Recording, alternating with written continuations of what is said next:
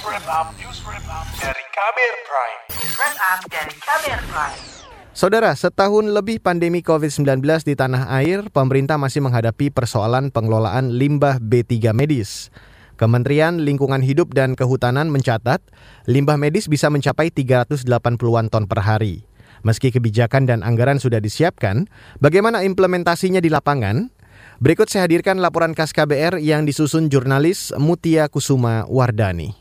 Presiden Joko Widodo menyiapkan dana khusus triliunan rupiah untuk penanganan dan pemusnahan limbah bahan berbahaya dan beracun B3 medis COVID-19.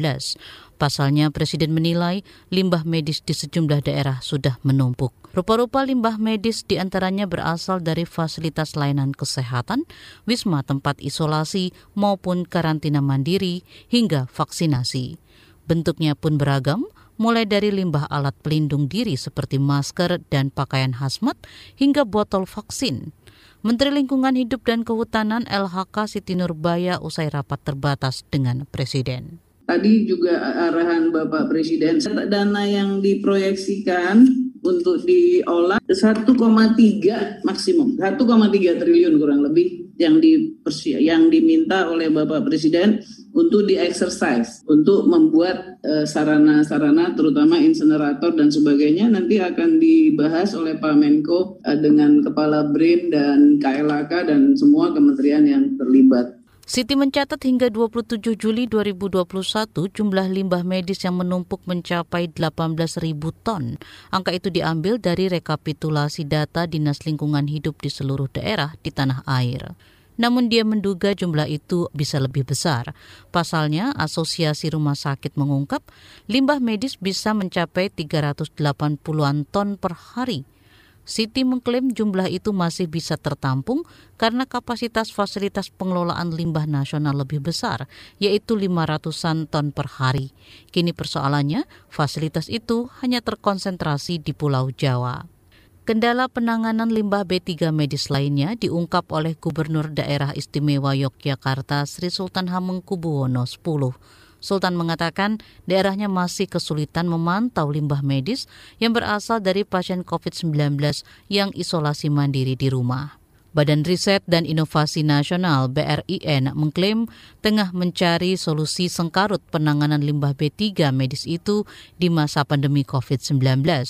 Kepala BRIN Laksana Trihandono mengatakan tengah mengembangkan teknologi plasma nanobubble untuk mengelola limbah medis cair. Daur ulang limbah medis yang berpotensi untuk memunculkan nilai tambah, memunculkan ekonomi baru, yang tentu itu akan dapat meningkatkan ya, kepatuhan uh, para katakanlah vaskes-vaskes, fasilitas kesehatan yang menghasilkan limbah karena ya ada insentif finansial ya dari sisi bisnis akibat daur ulang tersebut dan tentu itu akan berpotensi juga mengurangi biaya pengelolaan limbah secara keseluruhan.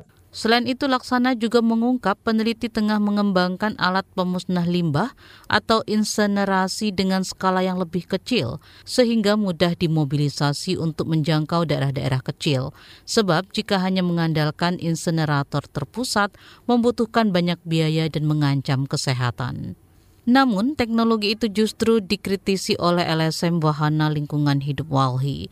Menurut manajer kampanye perkotaan dan energi Walhi, Dwi Sawung, alat pengolah limbah medis BRIN itu justru menimbulkan polusi udara sebab cara kerjanya membakar limbah medis sehingga justru menyebabkan infeksi. Ketimbang itu, Dwi lebih mengapresiasi pengembangan pengolahan limbah medis oleh Lembaga Ilmu Pengetahuan Indonesia LIPI yang bisa mendaur ulang limbah dengan cara mencacah. Menurut Dwi Sawung, ada sederet bahaya yang mengancam jika limbah itu tidak tertangani dengan baik, mulai dari penyebaran penyakit hingga polusi udara harusnya sudah memulai membangun sistem pengelolaan limbah medis yang lebih baik lagi gitu ya. Sebelum pandemi udah bermasalah sih sebenarnya jadi pandemi jadi membuka masalah itu jadi lebih besar lagi ya. Terutama sebenarnya ke di luar Jawa ya fasilitas-fasilitas apa kesehatan di luar Jawa itu kan eh, nggak ada tuh. Tahu saya sepanjang, ingatan saya yang belum ada yang izin yang keluar ya yang di luar Jawa. Pengolahan limbah medis bukan persoalan baru yang dihadapi negara ini.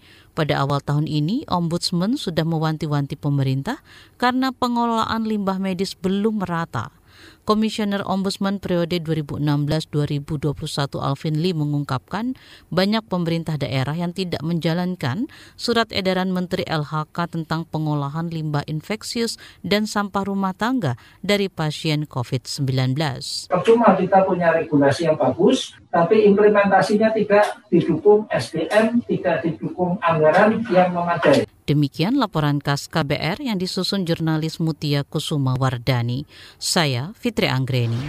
Kamu baru saja mendengarkan news wrap up dari KBR Prime. Dengarkan terus kbrprime.id, podcast for curious mind.